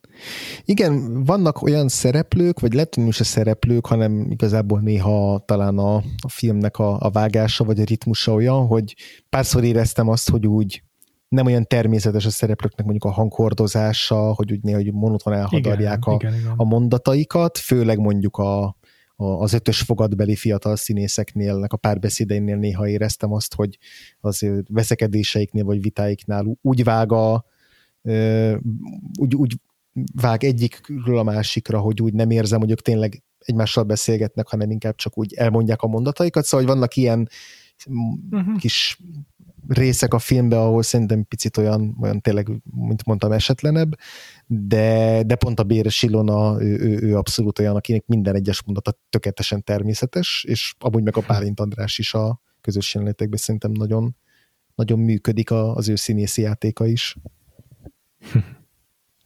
Igen, igen. És hát ők meg ketten aztán megint csak külön érdekesek, amiatt, hogy amit mondtál te is, mennyire sokkal inkább egy hullám hosszan vannak, sokkal hamarabb megismerünk részleteket Bálint Andrásnak a karakteréről, Jancsiról is, annak köszönhetően, hogy megnyílik év az előtt, de az is egy marha érdekes ilyen történelmi kontextualizálás, amikor egy szemtelenül egy fél mondatban elejtve a két szereplő megjegyzi, Éva azt, hogy a, az ő apját Auschwitzba deportálták, Jancsi meg azt, hogy a, az ő apja pedig a Donkanyart járta meg, és azt hiszem, hogy ráadásul mindez egy olyan jelenetben van, amikor éppen egy ilyen moziban néznek egy náci, meg náci propagandáról szóló, meg Stalinról szóló dokumentumfilmet, amit szintén teljesen uh-huh. szemtelenül néznek végig. Marha érdekes. Oda, oda se figyelnek nagyon, az, igen. Oda se figyelnek, igen, igen. Ez is egy olyasmi, igen, és aztán kibogozhatunk egy picit. Igen, igen, igen, és utána, utána pont, a, amikor már az 56-os eseményekről, a tankokról mutatnak felvételeket, meg a, ott a, igen, az 56-os eseményekről ilyen híradó részleteket, akkor ott viszont ugye elkomorulnak mind a ketten, és aztán viszont arról kezdenek beszélni ott, hogy akkor a, miért nem diszidált a, a a, a Béres Ilona, akinek meg lett volna rá a lehetősége, és aztán őt ki is mondja azt, hogy ő igazából hát kommunista lett azóta, meg ő most úgy azért úgy már hisz inkább a rendszerben, tehát hogy ott, ott, ott konkrétan kialakul egy párbeszéd, ami, amit az indít el, amit ők, az, ők ott látnak a moziban, míg a világháború Igen, alatt, világháborús felvételek azokkal nem foglalkoznak annyira. Ezzel kicsit el is gondolkodtam, hogy ugye. 64-es a film, valószínűleg a 60-as évek elején játszódhat, hiszen Szabó István saját uh-huh. élményeiből gazdagodik, ö, táplálkozik, és hát akkor magyarul ezek a 20 éves fiatalok így pont nem emlékeznek semmire a világháborúból. Így van. Pont olyan picik voltak. Így van. És Igen. szerintem ez is egy ilyen nagyon, nagyon jól illusztrálja az embernek a viszonyulását a, a, kor, a kortárs történelemhez, uh-huh. hogy uh-huh. nekem 86-os születésűnek a rendszerváltás már nem mond semmit. hm. Vagy biztos vagyok benne, hogy, hogy mindenki így van a saját életkora előtt közvetlenül, vagy a saját születés előtt közvetlenül uh-huh. megtörtént dolgokkal is. Nekem például hatalmas azért emlék a, a 9-11. szeptember 11-i terrortámadás, el tudom képzelni, hogy 2000-ben született kisgyereknek ez csak egy Semmi, száraz igen. Egy történelmi dolog, igen, ja. dolog. Igen. És szerintem ők is ugyanígy vannak a Hitlerről szóló sokkoló, meg, meg félelmetes mm-hmm. képekkel, meg Stalinnal is. Van. És ez szerintem tök, tök jó bemutatja ez a film, vagy tök jó ez az aprócska ját, amiben ez így megvilágításba kerül. Így van, így van. Ja, teljesen egyetértek, hogy ott nekik nincs személyes kötő, kötődésük abban az értelemben, hogy a, a szüle, szülő generációjának van, de nekik ők nem emlékeznek ja. rá, és ezért egyel távolabbi, és el tudnak tőle vonatkoztatni, ja. de 56-ot már megélték tizen néhány évesen, Pontosan. És azután a következő éveket is pedig már kabaszként, és ezért ott, ott, már, ott már olyan döntések születtek adott esetben az ő részükről is, amik, amik már így elgondolkoztatják őket, hogy az, az már számukra nem egy történelemkönyvekből tanult, vagy a szüleiktől hallott mhm. esemény, hanem amit még valamennyire a saját bőrükön tapasztaltak meg. Abszolút, igen. Pontosan. És igazából, amit ott elmond Jancsi arról, hogy ő miért nem vándorolt ki, hát igazából az ilyen kis másolás, nem igazán vannak jó uh-huh. indokai rá. Szerintem ezzel nagyon sokan lehettek így a, hmm. a, az akkori fiatalok között, és ez az, amikor visszakanyarodnék arra, amit Szabó István mondott a saját filméről, a Sós Tamás uh-huh. általi cikkben idézve, hogy döntésképtelen. Tehát inkább a nem döntés uh-huh. kényelmét választotta szerintem. Igen, igen, igen. Megint csak egy tökéletes, uh-huh. tökéletes illusztrációja a fiatal kor, ilyen életkori nehézségeinek ez a, ez a dolog. Ez egy olyan, Igen, olyan és akkor itt... Dolog, ami ezek évekig lamentálni fog még. Abszolút. Igen, és akkor itt ki is térhetünk a, a, az idősebb generációhoz való viszonyukra, Jó. és egy generációs különbségekre a filmben, mert az is tök érdekes, hogy a, a film elején ilyen tézisként lefekteti a filmnek a narrációja, a narrátora, hogy hát itt vannak ezek a fiatalok, akik így látják a munkahelyükön, mindig be, besorolnak oda az idős mérnökök, akik ilyen maradiak, vaskalaposak, irigykednek, féltékenyek, nem hagyják őket kibontakozni, nem lehet velük kommunikálni normálisan, és akkor a, tényleg meg is ismerjük a, a Sinkovics Imre által alakított igazgatót, és Sinkovics zseniális ebben a filmben, tehát minden mondata tökéletes, tökéletes, elképesztően jó ahogy ezt az ilyen atyáskodó uh, kádert alakítja. Igen. Uh, Igen. És, és hogy a film az úgy, minthogyha sejtetjük, hogy valamennyire lehet, hogy ironikus, de hogy azért alapvetően még úgy érezzük a, szerintem a film elején, hogy így azonosul a film a fiataloknak ezzel a idősebb nemzedékkel szembeni averziójával. És aztán van egy ilyen kvázi fordulat a film vége felé, amikor a, a, a Gábor Miklóssal találkozik a, a, a Bálint András. A Gábor Miklós az egy ilyen egy, egy főmérnököt játszik ennél a, ennél a cégnél, és akkor őt látjuk már többször korábban is, de, de van egy beszélgetés, amikor egyszer csak így rádöbben a Bálint András, hogy köztük így egy gondolkodásban, meg szemléletmódban tök hasonlóak, és tök jól megértik egymást. És akkor végül is így a, a karrierjében, a jövőjéről, amit megtudunk a filmben, az, az a, pont az, hogy így a, a főmérnök mondja neki, hogy akkor gyere be, majd hozzám beszéljünk arról, hogy hogy tudnánk együtt dolgozni. És, és, és itt, itt megcáfolja a film ezt a kezd, kezdőtézisét, hogy akkor vannak a fiatalok, akik egy szív, egy lélek ugyanazért dolgoznak, és vannak az idősek, akik meg a kerékkötők, mert pont, ahogy mondtad korábban, a fiatalok között is megmutatkozik, hogy igazából tökre nem értenek egyet sok mindenben, meg nem ugyanúgy dolgoznak, meg nem ugyanazt gondolják a, a hivatásukról, és közben meg az idősebb generációban találni olyat, aki, aki így közelebb áll. Igen, igen, jó, hogy ott kiemelted, nekem is szöket ütött a fejemben az a jelenet, hogy, hogy igen. még jobban árnyalja ezt a individuum versus kollektív a képet, amit már szerint felvetettem.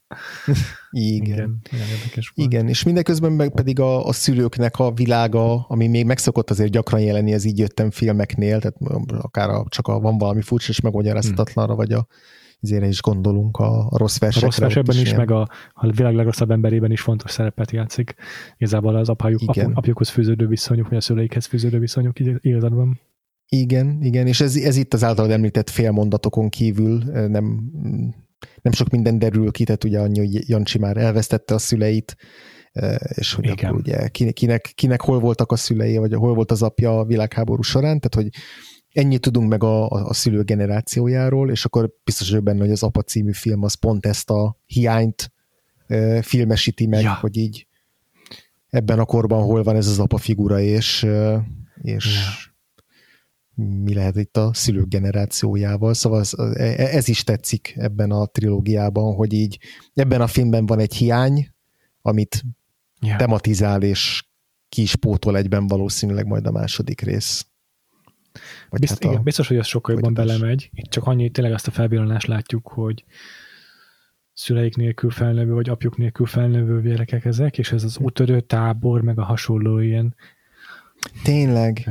intézményesített dolgok, ezek adják meg nekik a, a, a szülők, Tényleg. vagy hát a, a, az autoritár, autor, a felnőtt autoritás képet, és ez biztos, hogy nagyban hozzájárul ahhoz, hogy ők ilyen határozatlanok, döntésképtelenek még uh-huh. fiatal felnőtt korukban. Nincs is, minta számukra, igen. nincs minta számukra, és ami minta van, az pedig egy intézményrendszer, amiben minden el van döntve helyettük. Uh-huh. Tök igaz. ja, ez, a, ez, a, ez az idősebb generációhoz fűződő viszonya a fiatalnak, ez egy tényleg nagyon jó, jó, jó mm, és fontos aspektus ennek a filmnek, ezt jó, hogy szóba hoztad. Nagyon tetszik az is, ahogyan a Borbéjjal beszélget. beszélget, hát a Borbé mm, beszél tényleg. hozzá. Ez a két-három epizód a filmben. tényleg, igen. Azt nem tudom igazából, mennyire lehet ehhez az egész témához kapcsolni, de az, az nagyon tetszik benne, hogy a Borbély az így, ott, ott nincsen cenzúra. a Borbély, igen. Borbély szalomban ott minden elhangozhat. igen, igen, igen. Nem emlékszem, hogy mikről beszélgetnek már, de, de ez nagyon-nagyon tetszettek azok a beszélgetések. Igen. Biztos, hogy volt szó a csajozásról, a házasságról, meg ugye a kommunizmusról is. Igen, meg azt hiszem valami olyasmiről beszél ott a, ott a Borbé, hogy, hogy itt talán az irítség mozgatja az embereket így, a, így az életben, ja. valami, vala, vala, valami ilyesmi rémlik, én sem emlékszem pont, pontosan. És a kommunistákat hogy, is igazából az irítség mozgatja, pontosan? Igen, hogy a, így van, hogy a történelemnek a legfőbb mozgatórugója az nem valamiféle eszme vagy ideológia, hanem egy az abszolút emberi gyarlóság és irítség yeah. és féltékenység. Ja, ja. Igen, igen. Hát tehát ahogyan ott szórakozottan hallgatja őt Jancsi, abból nekem leginkább az szűrődik le, hogy ezen legfeljebb jól szórakozik, de nem veszik komolyan. Mm-hmm, Tehát mm-hmm. Uh, itt se kap egy, egy pozitív férfi vagy felnőtt képet igazából az életében. Meg az értékrendje annyira másra ráadásul az öregnek, ugye a házasságról alkotott Igen. képe, vagy a nőkről alkotott képe az teljesen maradi, Igen. még itt a 60, 65-ös filmben is egyértelműen maradi, vagy 64-es filmben is. Akarunk még beszélni kicsit a Szabó István rendezéséről? Szerintem igen, még egy picit már azért elcsepegtettük itt az adás során, hogy mik voltak ja. ezek a francia új hullámos hatások, vagy, vagy formanyelvi megoldások, de szerintem így összefoglalhatjuk, vagy kibővíthetjük még egyszer, hogy így miket alkalmaz, mi az a sok-sok eszköz, amit alkalmaz a Szabó István, és hogy mik a sikeresek, mik az, amik, amik kevésbé sikerültek esetleg, ha van olyan. Igen, picit mindenképpen érdemes lenne. Jó, hát ugye beszéltünk már a jumpcutokról, a vágástechnikáról. Ja. Vannak nagyon szép, uh, hogy is hívják, amik a történetet nagyon szépen tömörítik. Pont a, a megismerkedés az Ágival, azt szerintem nagyon ügyes kis. Az egy nagyon, az, a, az a pár kép, az nagyon tetszik. Ott ugye pingpongozik egy haverjával, a Jancsi, és oda jön hozzájuk Ági, a Halász Judit karaktere, és akkor először kapunk egy egy, egy, egy, egy, egy nagy totált, vagy egy közelít a Jancsiról, ahogy összenéz az Ágival, és akkor a, utána ellensnit, és akkor ráközelít a kamera egy ilyen gyors mozgással uh-huh. halászúri arcára, és akkor lesz, uh-huh. lesüti szendén a tekintetét, uh, majd azonnal egy jump cut, egy ilyen abszolút nem oda passzoló vágás, tehát tényleg nincsen összhangban igazából a záróképe az egyik képsornak a következő nyitóképével, és fogva sétálnak Budapest utcáin, előtte meg ugye valahol valami üdülőben voltak, tehát ott egy, Igen. egy csomó idő eltelik, és egyből azt mutatja, hogy összejöttek. És ez ugye fontosan megcsinálja ezt a film, hogy a szereplőkről ugyan össze a Jancsi, hogy egy ugrunk egyet az időben, és már járnak. Igen, ezért is, ezért is tűnik hogy ez a, az, amit mondta, ez a mióta sétálunk két hete, hogy ott úgy el lehet hinni, hogy tényleg két hét telik el, aztán utána leszögezi végül a film, hogy nem ez ugyanannak az estének a története, de, de valóban szereti megbontani így az időt. Már ez a film is, amennyire tudom egyébként a, az apa és a szerelmes film az sokkal merészebben bontja meg a, az időrendet, és ott sokkal több a flashback, a, a kronológia megtörése a idősíkok váltogatása. De már látszik, hogy itt is így kokettál a, azzal, hogy az időt így szabadon kezeli a film. igen, igen, igen, igen. Jump cutokról nekem ez volt az első, ami beugrott. Aha. Kameramozgások, egy, amit ha már emlegettem az Ági kapcsán, akkor még annál maradhatunk egy picit szerintem. Vagy neked még van a jump vagy bármi a vágással kapcsolatban? Mm, nem, nem, nem, nem. Jó, a kapcsolatban jó, nincsen. Okay. nincsen. Igen. Kamera mozgásoknál nagyon szereti sokat mozgatni a kamerát. Szabó Igen. István, meg, a, meg az operatőre. Aki a... Van egy csomószor, hogy szereplők csak így mennek körbe-körbe egy teremben, vagy valahol mennek, és akkor Igen. tracking shotként veszi őket körbe, hogy álmosodik a háttér, de nagyon szép felvételek ezek, mert nagyon igen. Azért, azért tényleg limitált költségvetéssel dolgozik, és nem minden kameramozgás gyönyörű szép, de például ezek a tracking shotok általában tényleg makulátlanok. Igen, meg szereti a körsvenket is a film. Körsvenk, nagyon meg jó, azokat. Igen. A Vámos Tamás egyébként a filmnek az operatőre. Oh, köszi. Meg, meg aztán vannak ilyen lassított felvételek a filmben, ja. uh, tehát azzal is ja. néha játszik a, a filmnek. A, de talán csak egy, egy olyan jelenet van, amikor így ugrálnak a, a, a főszereplők egy szobában. Igen, tényleg. Van ez a, a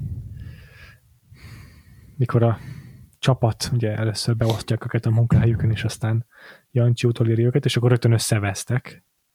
És a, uh-huh. a, a, csap, a csapatnak a line tagja, meg a medik másik mérnök az összekapnak, hajba kapnak. És Aha, akkor azt igen. Így, azt, a, azt, a, azt az eszkalációt az nem deeszkalálja ott az Abó István, hanem van egy ilyen kamera mozgás, hogy rá közelít egy ablakra, és akkor vége a jelenetnek.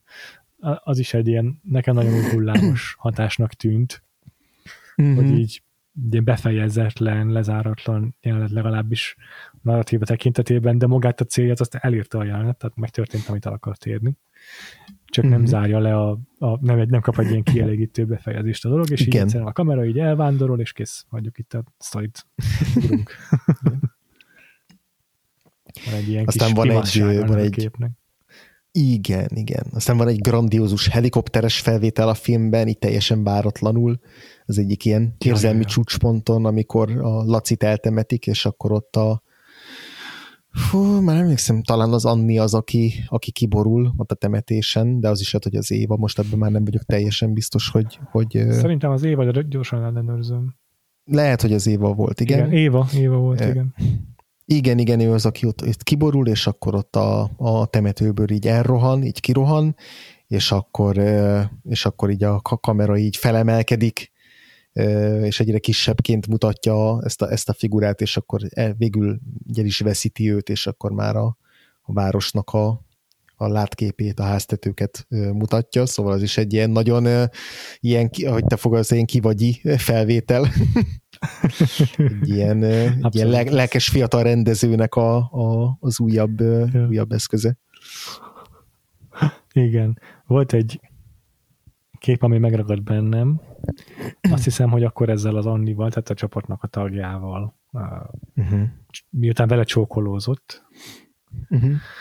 uh, Jancsi, utána van ez, Aha. hogy így a hóesésben elindul hazafelé, és akkor egy lépcsőn leugrik, vagy valami hasonló. Emlékszel arra Aha. a képre? És az olyan, mintha egy pillanatra ott szányra kelne a János, a Jancsi. Lelassítja a felvételt, vagy igen. nem tudom. Igen. És ez egy nagyon Igen. ilyen kis mágikus, realista, hirtelen váltás, egy ilyen hangulati Tényleg. Ö, bűvészet, vagy hangulati szemfényvesztés, mm. nagyon érdekes kis megoldás. Tényleg, igen. Fú, nekem egyébként csak egy zárójeles megjegyzés, így nagyon nem tudom, szomorú lettem, hogy, hogy mennyit havazik ebben a filmben. Ja, hihetetlen. Mármint, hogy azért, azért, azért lettem szomorú, hogy ugye a, a, a, annyi, annyit változott, most már egy lassan mediterrán ja. ország lettünk, hogy, hogy így gyakorlatilag nem tudom, tényleg évente egyszer kb. ha szerencsénk van, akkor egy picit havazik, aztán el is olvad utána rögtön, és, ja. és hogy itt még, itt még mennyire mennyire gyakran tudott élni ez a film is a, azzal az eszközzel, hogy a, a nagy havazásban sétálgatnak a szereplők, és hogy ez nem, nem valami nagyon ex, extrém különleges pillanat az ő életükben, hanem egy, egy gyakori téli, téli jelenség. Ja, ja, ja, igen. Hm. Aztán rengeteg a montázs, vagy hát uh-huh. azt túlzás, hogy rengeteg, de van egy pár montázs, ugye a csapat is, amikor együtt dolgoznak, akkor ott is Igen. vannak ilyen viszonylag gyakori Igen. váltások a képsorokban, hmm, hol vannak még montázsok, a film vége felé is biztos, hogy volt, még de már nem emlékszem. Igen, hát van az a bírósági jelenet, amit már említettünk. A bírósági, amit mondtál, pontosan, igen. Aztán eszembe jutott az a, a leges legutolsó jelente a filmnek, amikor a telefonos kisasszonyokat látjuk. Uh-huh. Az a, hát az nem montás, hanem egy, egy, egy, egy, egy svenkelés, egy, uh-huh. kocsizás, azt hiszem. Mm, arra Igen. beugrott a, a, a meseautó, ahol szintén hogy a plegykáló postai alkalmazottak között így a kamera foly, azért körbe, körbesven hmm. kell, nem is tudom, mi volt ott már a felvétel, és akkor mindenki beszél az egymással. Igen. Nem ugyanaz a szerepe, meg nem is azért, csak hogy így a, a, a az elért hatás, meg az elért, a használt eszköz az nagyon hasonló igazából a kettő esetében. Igen. Igen.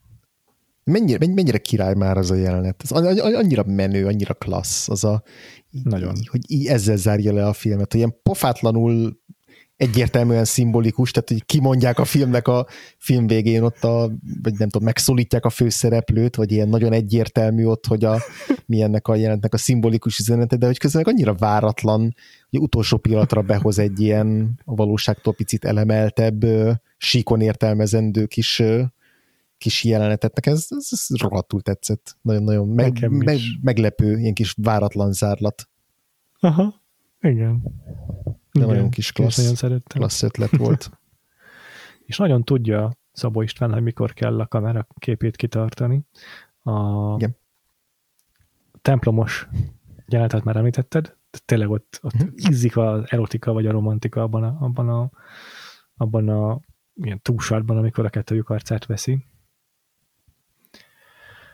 És hát ugye a rengeteg sétálós jelenet is mindegyik olyan, hogy, hogy vágás nélkül folyamatosan veszi sokszor a szereplőit perceken keresztül, és úgy hallgatjuk őket, ami meg tök merész, tehát azért 21-2 éves, 23 éves maximum amatőr színészekkel ezeket megcsinálni, úgyhogy uh-huh. tudod, hogy nem Igen. vághatsz. Jó sokszor el kell Igen. próbálni a felvételeket, az biztos, de nagyon megérte, nagyon ö, nagyon kidolgozottak ezek a képek, nagyon jó sikerültek ezek a hosszú vágás nélküli ilyen walk and talkok. igen, igen, igen, igen. És aztán még bekérdeznék téged így a narrációról, hogy mit szóltál hozzá. Nekem nem annyira tetszett. Érdekes megoldás volt, hogy így igazából olyan, mintha egyes szem első szemébe beszélne a főszereplőről, de közben ugye mégiscsak egy külső nézőpontból mesél róluk, de mégiscsak így egy ilyen belső szemszögből, és így érdekes megoldás volt, de nem biztos, hogy nekem igazán működött ez a fajta elidegenetés, és ugye a narrációnak a hangsúlyozása is engem néha, néha picit zavart. Olyan, olyan monoton, monotonnak éreztem. Ma, önmagában az, hogy narráció volt a filmben, az nem, az, az teljesen működőképes, de így ma megvalósítás Aha. az nekem pont nem tetszett annyira. Aha, én valahol ezt ilyen tudatos döntésnek mertem vélni, hogy monoton az uh-huh. előadás mondja a narrációnak, hogy indokot nem uh-huh. tudok rá, az igaz, bevallom. De úgy gondoltam, hogy ez szándékosan ilyen, ilyen uh-huh. ironikusan monoton, vagy hogy is mondjam. Tehát tudja jól, hogy a narráció Lehet. az nem egy modern eszköz, nem egy helyén való eszköz egy ilyen modernista filmben, és csak azért is beleteszi, de akkor már úgy, hogy felhívja magára a figyelmet, hogy mennyire kilóg. Aha, ez az egyetlen magyarázatom rá. Én szórakoztatónak találtam, hogy van benne narráció igazából, mert egy forma nyelvileg egy oda nem illő dolog. Hm.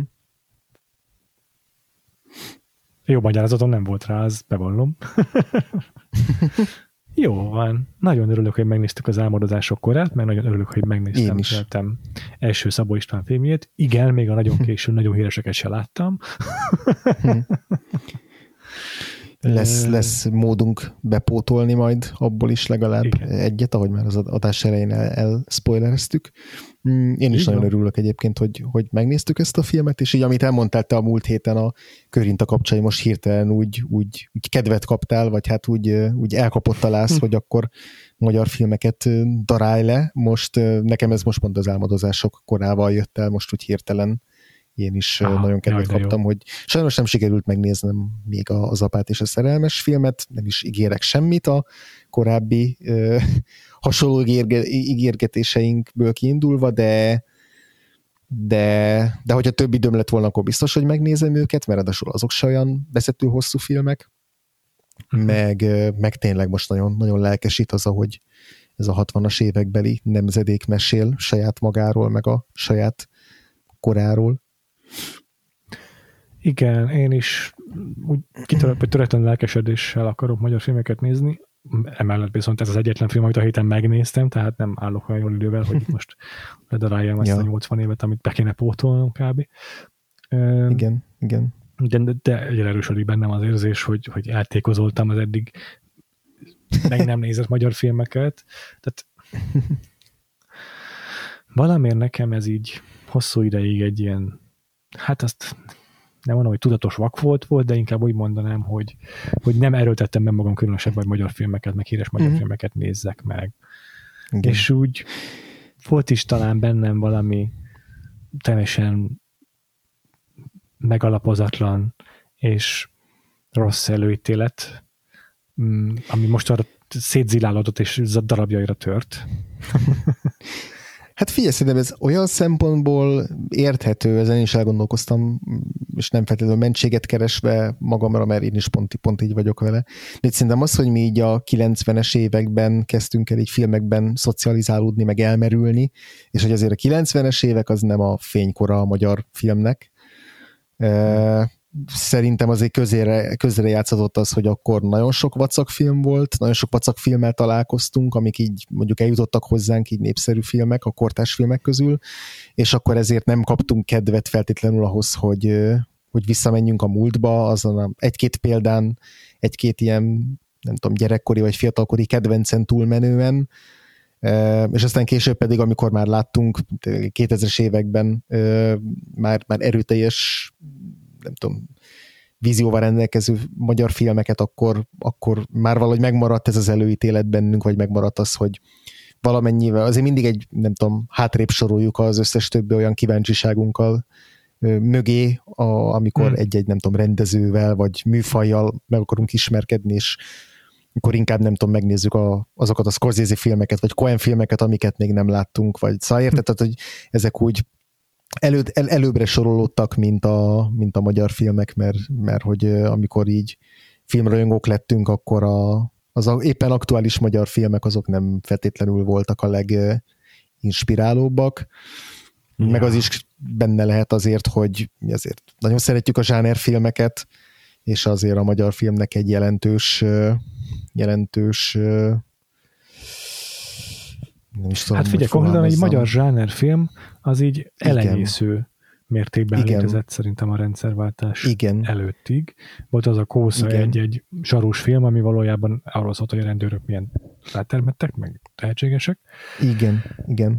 Meg az a pár bújtor film, és igen. semmi, egészen tényleg igen. az elmúltig, úgyhogy ezért is.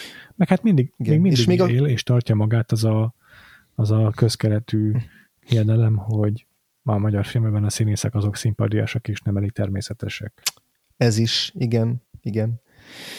Igen, és hogy egyébként a zsánerfilm még mindig küzdködik, még ma is, tehát szerencsére már jóval több példa van, de azért mindegyiknél érződik, hogy úgy nagyon keresi a helyét, és próbál, próbálnak azok a magyar rendezők, akik, akik zsánerfilmekben képzelik el magukat, próbálják keresni azokat a vágányokat, amiken, amiken ki tudnának futni. Még mindig azért a szerzői filmnek az egyeduralma az még, az még nagyon hangsúlyos, hogy inkább ja. úgy fogalmazok, a szerzői film, meg a nagyon kommersz, nem tudom, vígjáték, ennek a, ennek a kettőnek az éles különbálása, ami azért szerintem nagyon sokáig ja. Jogos. Főleg a rendszerváltás után nagyon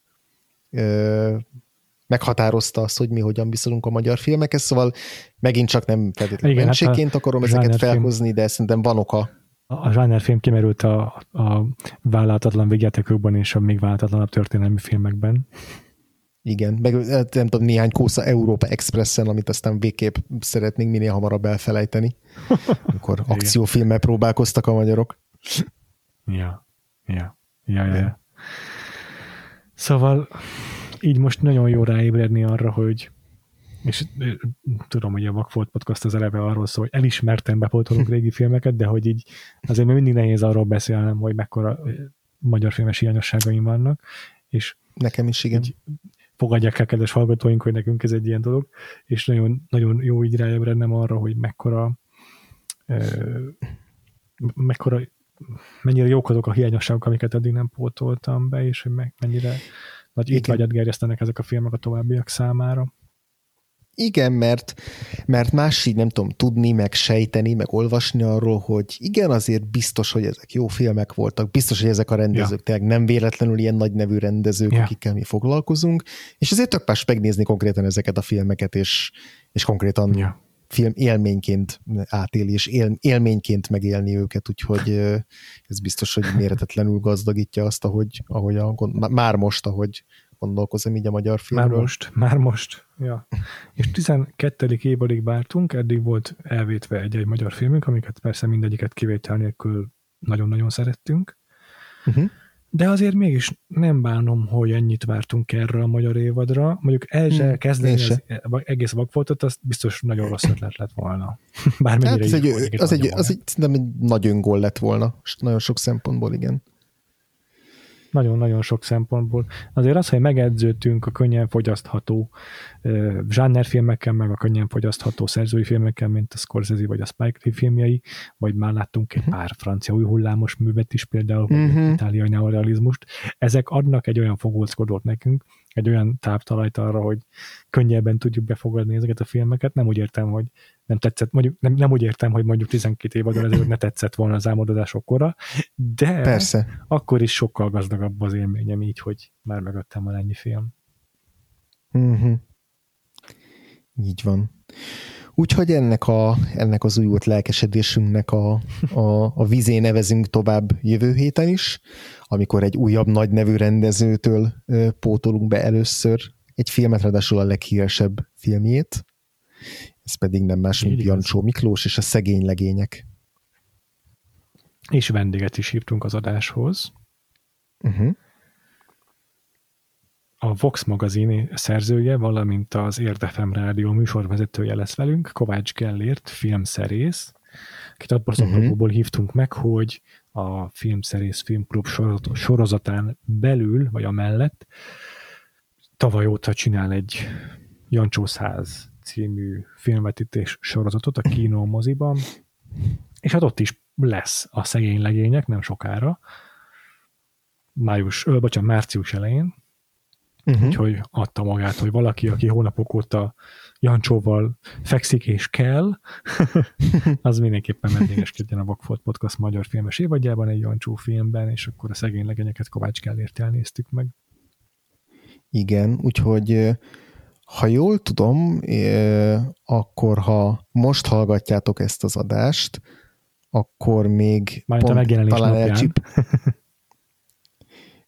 ak- igen, akkor még talán elcsíphetitek a csillagosok katonáknak a vetítését. Igen, az február 7-én lesz, hétfő este. És az ugye a szegény legények adásunk az két nappal később kerül ki, de akkor most már be tudjuk lengetni azt, hogy, hogy érdemes arra a filmre is elmennetek, hogyha Így van, még másodikán vannak rá. ki ezzel az adással, szóval mától számítva van uh-huh. majdnem egy egész hetetek megvenni a jegyzeteket a csillagosok és katonákra, és talán az Igen, és még kaphatóak jegyek, úgyhogy még, még nem teltházas, de biztos, hogy a, szinte biztos, hogy az lesz, úgyhogy érdemes nem az utolsó pillanatra hagyni, ha érdekelteteket a film, és szeretnétek moziba látni. és katonákat nézni. Így van. Jövő héten tehát belecsapunk a Jancsó filmográfiába, a szegény legényekkel, nem ez, nem ez lesz az egyetlen film, amiről ö, beszélünk Jancsó művészetéből. Viszont addig is megtaláltok minket az összes létező fontosabb ö, platformon, ö, úgyis, mint a Spotify-on, a YouTube-on, illetve a streaminges szolgáltatókon is megvannak az adásaink.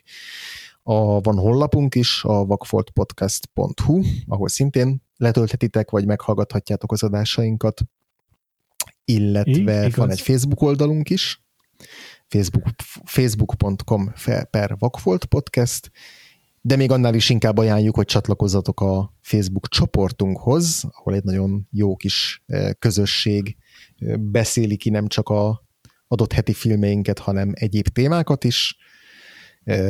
Ez pedig a Vagfolt Podcast társalgó a Facebookon. Így igaz, ma is jött vagy 13 Facebook notification adottani aktivitásról, tehát tényleg érdemes rápillantanatok, mert nagyon jó kis közösség alakult ott ki. Valamint a Twitteren is fenn vagyunk a twitter.com per Vagfolt podcast alatt, és ne felejtsük el megemlíteni a Patreonunkat, a patreon.com per Vagfolt podcast oldalt, ahol a támogatói közösségünkhöz is tudtok csatlakozni. Mostanában uh-huh. olyan havonta három extra adással jelentkezünk, hmm, beszélni fogunk hamarosan az Oscar szezon fejleményeiről, uh-huh.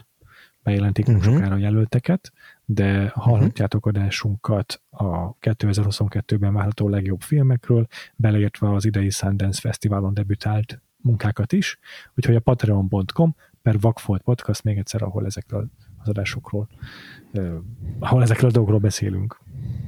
Így van, két ilyen tír, két támogatói szint van, egy dolláros és három dolláros csomagot lehet előfizetni. Három dolláros csomagban mindegyik adáshoz hozzájuttok, illetve kommentelhettek és részt vettek akár különböző ilyen szavazásokon is majd, amiket tartunk és adott esetben egy-egy témában, illetve az egy dolláros csomagban pedig minden hónapban biztosítjuk, hogy legalább egy adás az az elérhető legyen, ez általában kibeszélő szokott lenni, de mondjuk nincs minden hónapban feltétlenül kibeszélő adásunk, úgyhogy akkor se szeretnénk, hogyha lenne olyan hónap, ahol az egy dolláros csomaghoz csatlakozó támogatóink üres kézzel maradnának, úgyhogy biztos, hogy havonta legalább egy adást ők is hallhatnak tőlünk.